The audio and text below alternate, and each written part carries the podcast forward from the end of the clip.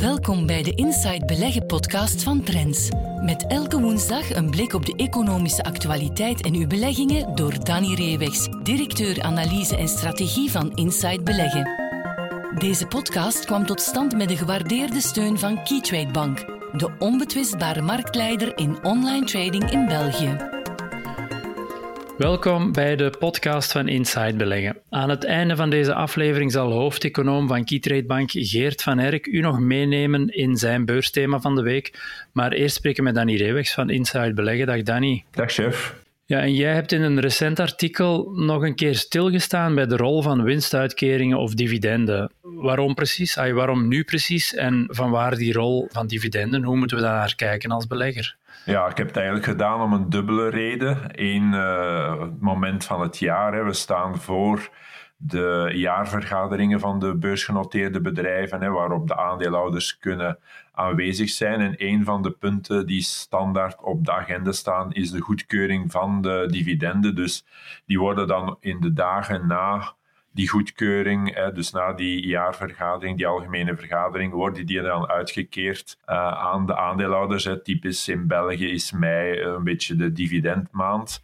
Uh, dat is één. En twee is toch wel het fenomeen van de afgelopen maanden dat de financiële markten domineert. En dat is de torenhoge inflatie. Dat betekent dat je koopkrachtverlies leidt. Als je geld gewoon cash blijft staan, ja, alles wordt duurder, dus de reële koopkracht van dat geld neemt af. En dan moet je zoeken naar uh, oplossingen om dat tegen te gaan. En dividenden bij uw aandelenbeleggingen kunnen daar toch wel een vorm van buffer zijn.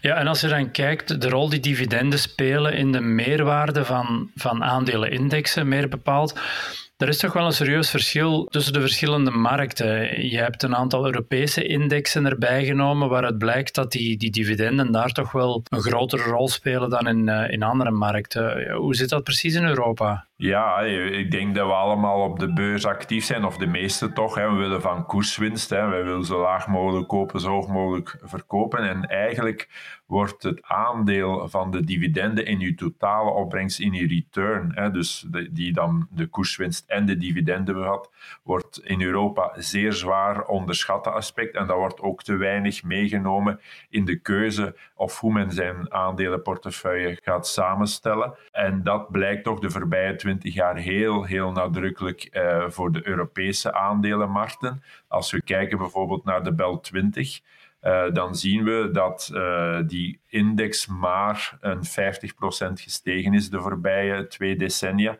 Maar dat de return, dus de totaalopbrengst, toch meer dan 200% is. Dat wil zeggen dat drie kwart van de opbrengst komt uit dividenden, uit uitkeringen door de bedrijven.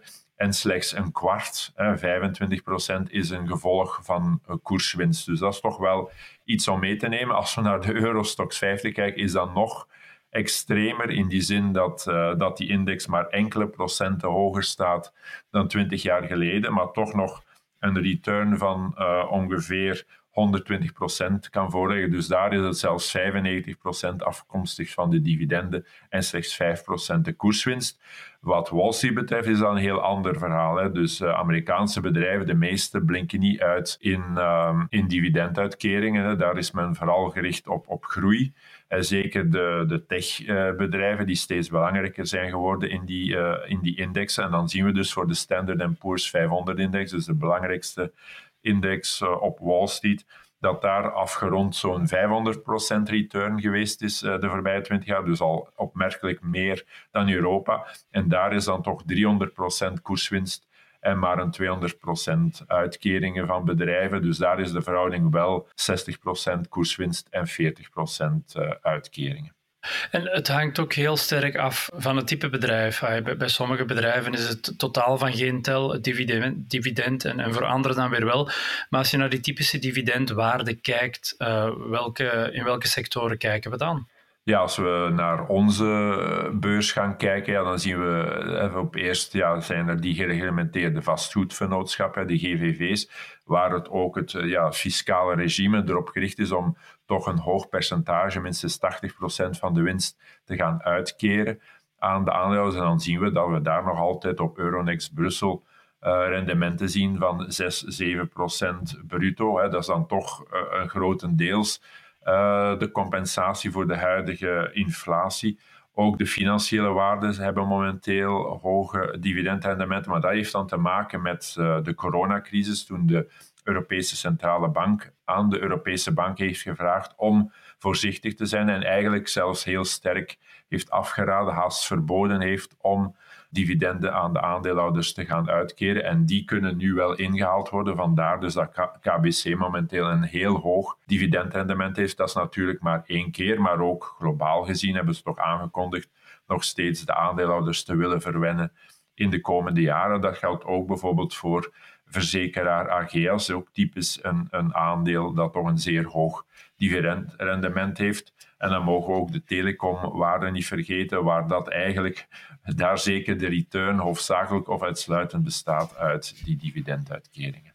Ja, maar net zoals dividenden niet voor elk bedrijf van tel zijn, kan ik me inbeelden dat ze ook niet voor elk type belegger even belangrijk zijn. Um, en elke belegger belegt zoals hij gebekt is, bij wijze van spreken. Wel, welk soort winst verkies jij? Is het voornamelijk die koerswinst? Of, of wil jij toch ook een beetje hebben van die winstuitkering? Of, of hoe moeten beleggers naar uh, de verdeling tussen die twee types winst kijken binnen hun portefeuille? Ja, ik denk toch dat dat uh, beiden moeten zijn. Hè. ik denk dat je je beleggingen moet structureren met, op basis van een beleggingspyramide, met onderaan toch wel een stevige basis. En daar zijn dividendaandelen echt wel essentieel. Oké, daar ga je misschien niet mee scoren onmiddellijk op café, zeggen dat je in dat soort aandelen uh, belegd bent.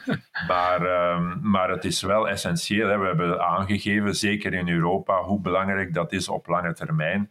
En uh, ja, eh, ook vandaag weten we weer, sinds begin van het jaar ook, hoe lastig het soms kan zijn op de beurs. En dan is het toch goed om die dividendwaarde te hebben om een stukje die dalingen te, te compenseren. Hè. Ehm, en, en dat is denk ik wel een goede basis. Op korte termijn hè, mikken we allemaal op die koerswinsten, maar als we kijken op lange termijn, mogen we die dividendwaarden absoluut niet uit het oog verliezen. Dat, zijn, dat is zelfs de basis van de portefeuille, de meer risicovolle uh, beleggingen waar er geen dividenden zijn, waar we enkel voor de koerswinst gaan. Ja, dat moet toch een minderheid zijn van je portefeuille, zeker als uh, beginnende belegger.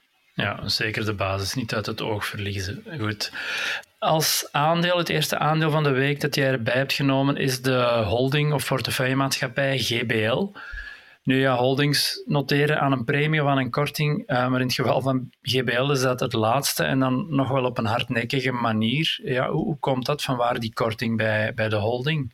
Ja, uh, GBL is als holding afgestraft geweest door de markt omdat ze te laat op nieuwe tendensen zijn gaan inspelen. Die nieuwe tendensen is vooral te gaan beleggen in niet genoteerde bedrijven, dus jonge, uh, beloftevolle bedrijven, wat men noemt de zogenaamde private equity. Daar hebben bedrijven als Brederode en zeker ook Sofina, dat is dat meest bekende holding in België op dat vlak, die hebben dat veel eerder gedaan en die hebben ook fantastische resultaten mee kunnen bereiken. En dus zien we dat dat soort holdings dan zelfs uh, regelmatig met een premie noteert, soms zelfs een serieuze premie, terwijl dus uh, holdings wat meer van het klassieke, van het oudere type, zoals GBL, dan met een hardnekkige korting blijven noteren. Als we kijken naar GBL is dat toch nog altijd tussen de 30 en de 40 procent verschil uh, tussen de netto actiefwaarde, dus de optelsom van alle beleggingen ten opzichte van, uh, van de beurskoers, die dus 30, 40 procent lager is.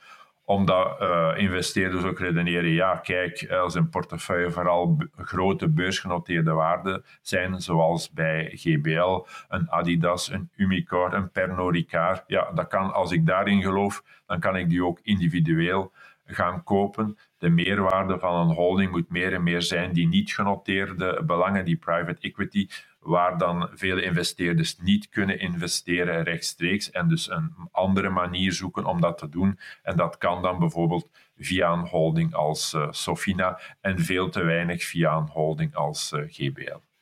Ja, en geeft GBL aan dat het meer en meer oog heeft voor die nieuwe trends en, wil het daar ook op inspelen? Ja, men heeft de voorbije jaren duidelijk aangegeven van kijk, we hebben het begrepen, de boodschap van de markt, en we willen ook inderdaad naar hogere rendementen gaan evolueren. En dus uh, gaan we meer en meer investeren in, uh, in durfkapitaal en in alternatieve beleggingen. En vorige week zijn er nog twee aankondigingen geweest van GBL, waaronder één investering van 1 miljard in Affidea. De eerste investering in private equity in de gezondheidszorg. Dus GBL toont wel aan van kijk, we willen veranderen. Het is nu ongeveer een kwart van de portefeuille.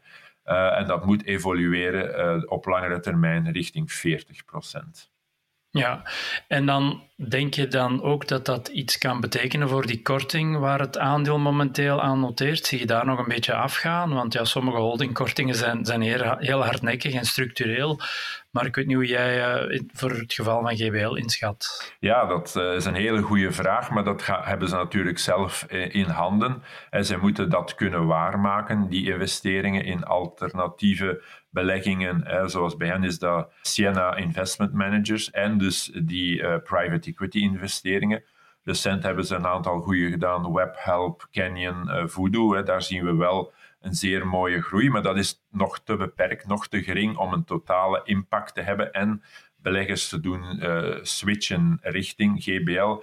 Dus zij beloven daar 15 tot 20 procent rendement op die, op die durfkapitaal de komende jaren ten opzichte van 5 à 10 procent voor de genoteerde belangen. Dus dat zou een verdubbeling van het rendement zijn. Dus in de mate dat ze daarin slagen, want natuurlijk in die private equity zitten ook hogere risico's. Men kan ook de verkeerde keuzes maken en dan kan dat een serieus negatieve impact hebben.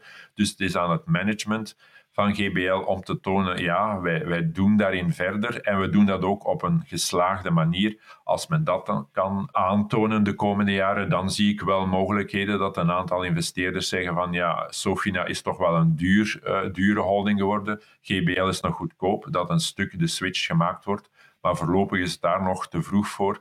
GBL moet zich op dat vlak nog bewijzen de komende jaren. Oké, voor beleggers uh, uitkijken naar uh, vooral dat niet genoteerde deel van de portefeuille van GBL dus. Ja.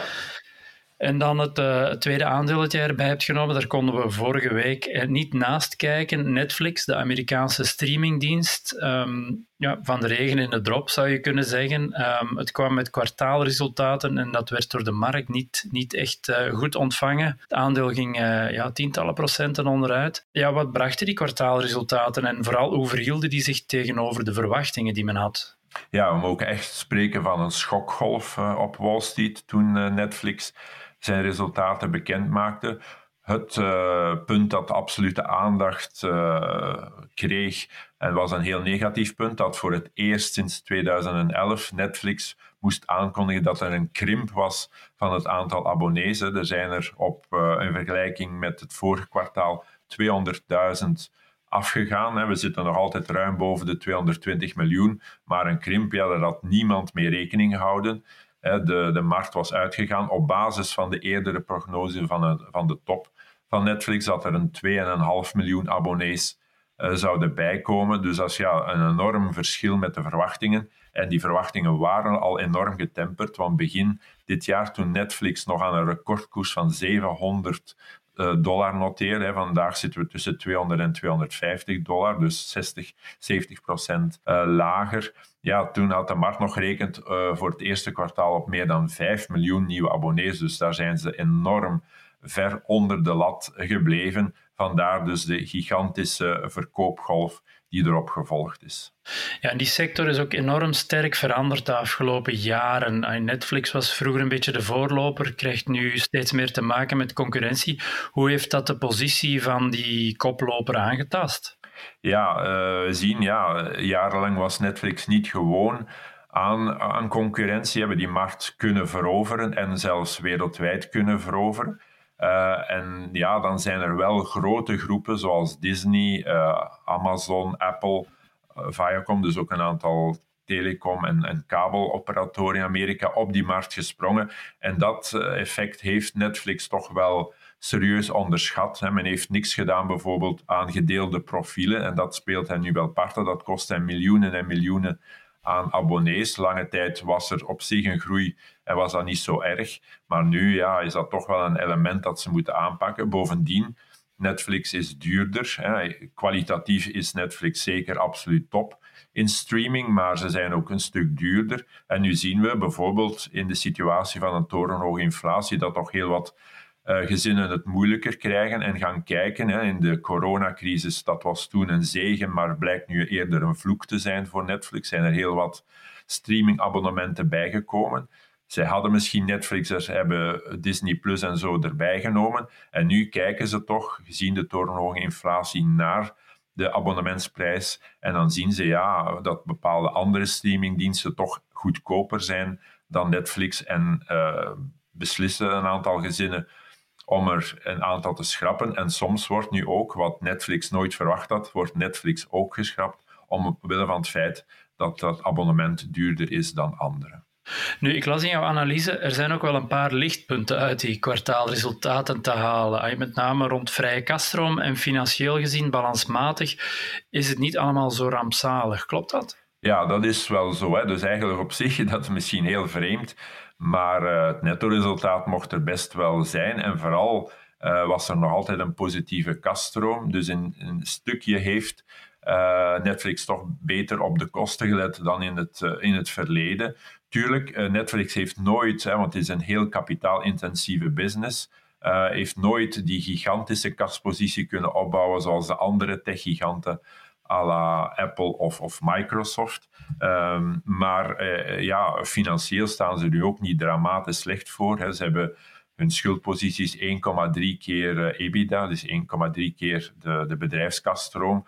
Dat mag nog tot 3 à 4 oplopen. Dus in die zin ja, is het niet zo dat we een bedrijf hebben dat volledig in de touw hangt, maar ze moeten zich nu wel gaan bezinnen, kijken uh, wat kunnen we anders en beter doen en hoe kunnen we terug aanknopen met groei. In elk geval zal dat niet het geval zijn in het tweede trimester, want daar heeft Netflix nog eens aangekondigd dat ze ook dan in het tweede kwartaal een krimp van het aantal abonnees zoeken. Dus er moet denk ik toch wel een nieuw groeiplan komen voor de zomer om uh, het vertrouwen van Wall Street te kunnen herwinnen.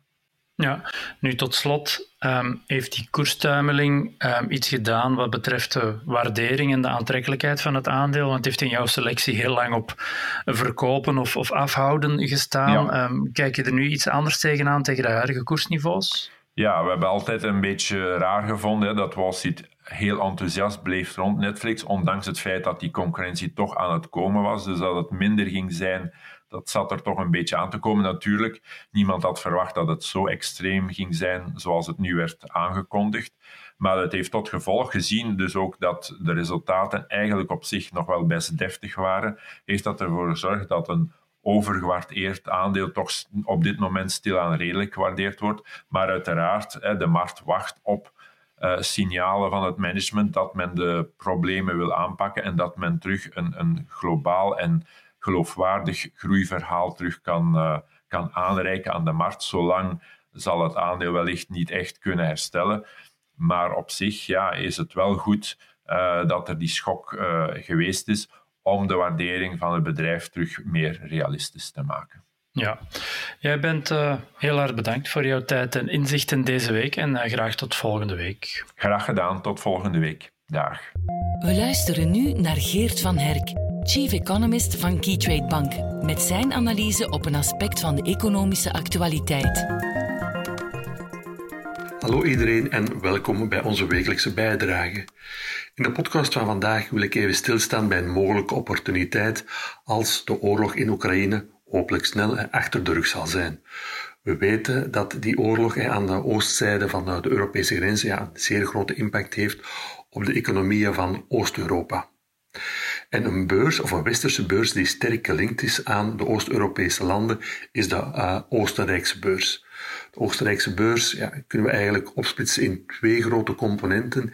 Er is enerzijds in de uh, Oostenrijkse beursindex een groot gewicht van bankaandelen. En anderzijds, een tweede deel is vooral ja, grondstoffen gerelateerd. Een aandeel dat misschien wel bekend in de oren zal klinken is het olieaandeel OMV, dat ook historisch zeer sterk op Oost-Europa gericht is. Wienerberger, de, de producent van baksteen, is ook een bekende naam bij ons. Maar in de podcast van vandaag wil ik toch wat meer stilstaan bij het staalaandeel Voestalpin. Voestalpin is een Oostenrijkse staalproducent die traditioneel ook heel veel zaken deed met de Oost-Europese landen. De Oost-Europese landen waar de economische groei nu natuurlijk ja, sterk onder druk staat door uh, alles wat er in Oekraïne uh, gebeurt, de oorlog in Oekraïne. Voestalpin, ja, staalbedrijf, grote klant is bijvoorbeeld ja, de auto-industrie. Een grote afzetmarkt is ook een, een Oost-Europese, de buurlanden van uh, Oostenrijk. Als u de grafiek van Vust Alpine een beetje zou bekijken, dan ziet u ook dat dat aandeel ja, de afgelopen jaren ja, zeer sterk uh, gedaald is. Uh, en dat is toch een beetje uitzonderlijk, hè, want we, we, hebben in deze podcast al herhaaldelijk gezegd ja, dat cyclische bedrijven, olieaandelen, grondstofgerelateerde aandelen, dat die de afgelopen tijd toch zeer goed gedaan hebben. Maar ja, een uitzondering uh, is toch duidelijk dit staalaandeel Vust Alpine. Wat het aandeel ja, ook nog eens extra uh, aantrekkelijk maakt, is natuurlijk ja, de zeer interessante waardering. Uh, ik heb een beetje op Morningstar gekeken. Als u daaruit uh, kunt u een beetje een analyse doen van dit aandeel. Maar de koers-winstverhouding met de winst van de afgelopen 12 maanden, de koerswinst van het aandeel noteert rond de 5,4. Dat is ook een zeer lage waardering. En het is ook hetzelfde voor de koersboekwaardeverhouding. Daar zitten we op 0,7. Dus die waardering is al heel, heel aantrekkelijk. Wat eigenlijk maakt, ja, die, die gunstige waardering, hè, hoe lager de waardering, hoe hoger de te verwachte return in de, de komende 5 à 10 jaar. Dus dat alleen al uh, maakt het aandeel uh, zeer uh, interessant. En ja, het is nu een beetje, denk ik, afwachten van de uitkomst van de oorlog in Oekraïne. Het, is, verdwijnt nu een beetje meer ja, in het nieuws naar de achtergrond. De Russische inval of de Russische vorderingen zijn niet zo sterk als men aanvankelijk gevreesd had. Het zou wel eens kunnen dat we de komende weken misschien toch een, een akkoord, een diplomatiek akkoord bereikt wordt tussen Oekraïne eh, en Rusland. En ik denk ja, als er ook maar enig positief nieuws zou komen uh, uit dat conflict, hè, dan, dan, dan het vuren of uh, onderhandelingen op topniveau hè, tussen, tussen beide landen, dat kan dat toch denk ik ja, de westerse beurzen uh, een zeer sterke boost geven. En natuurlijk dan denk ik de, de beurzen of de aandelen die het sterkst hebben afgezien van deze oorlog, kunnen dan denk ik naar mijn mening ook het sterkst gaan profiteren. Uh, en daardoor kom ik eigenlijk een beetje bij die Oostenrijkse beurs uh, terecht. Uh, met zoals gezegd ja, een aantal financiële namen die de index domineren en anderzijds een aantal grondstoffen gerelateerde namen. Dus ja, als u geïnteresseerd bent in een mogelijke opportuniteit, bestudeer het aandeel uh, Vust Alpinis om het eventueel in portefeuille te nemen. Ik denk dat het aandeel nu in, in dalende trend zit van de afgelopen twee jaar. Het noteert op extreem lage niveaus. Ja, de waardering, zoals het net gezegd is, zeer interessant. Dus ja, het aan is eigenlijk klaar om aan een mooi remont of aan een mooi herstel uh, te beginnen. En uh, beetje, ja, de katalysator voor dit herstel kan zeker ja, positief nieuws zijn uit het conflict uh, tussen Rusland en Oekraïne. Misschien nog kort een commentaar over de markten. We zien uh, de afgelopen tijd ja, de beurzen onder druk komen te staan. Zeker de Amerikaanse beurs heeft toch wat uh, ja, zwakke dagen achter de rug. Wat betreft Europese beurzen zou ik zeker focussen op uh, de lows van, van midden maart. We zien midden maart zijn de beurzen een beetje uitgebodemd. En dan hebben we eigenlijk een zeer sterk herstel gezien, waarvan we nu af, afgelopen week een beetje in een correctie zitten. Maar eigenlijk zolang de niveaus van, van midden maart, als die niet neerwaarts doorbroken worden, ja, is het nog altijd een beetje mijn aanvoelen of het, mijn sentiment is dan toch van nog altijd ja, op de zwakke dagen uh, een beetje uh, op te bouwen. En opnieuw uh, die cyclische sectoren met eventueel ja, een stoploss op die niveaus van midden maart. als de markt, de Europese beurzen, de grote beursindexes uit Europa, als die op die niveaus aankomen en neerwaarts gaan doorbreken, ja, dan zal ik toch wel opnieuw toch een beetje ja, voorzichtiger worden. Maar tot op heden hè, zijn we daar toch nog een, eindje van verwijderd. Uh, en zie ik ook nog geen, niet onmiddellijke reden om zeer uh, pessimistisch te worden. Omtrent uh, de beurstrend. Ik denk dat het ook nog altijd een, een, logische correctie is op het sterke herstel dat we van, van midden maart tot midden april gezien hebben. Dus vandaar de korte commentaar over de markten. Opnieuw, we spreken elkaar volgende week met een nieuwe bijdrage voor deze podcast. Dank u wel en tot ziens. Tot zover deze aflevering van de Inside Beleggen podcast. Meer tips, advies en analyses voor uw beleggingen leest u morgen in Trends. Volgende week zijn we er opnieuw. Deze podcast kwam tot stand met de gewaardeerde steun van Keytrade Bank, de onbetwistbare marktleider in online trading in België.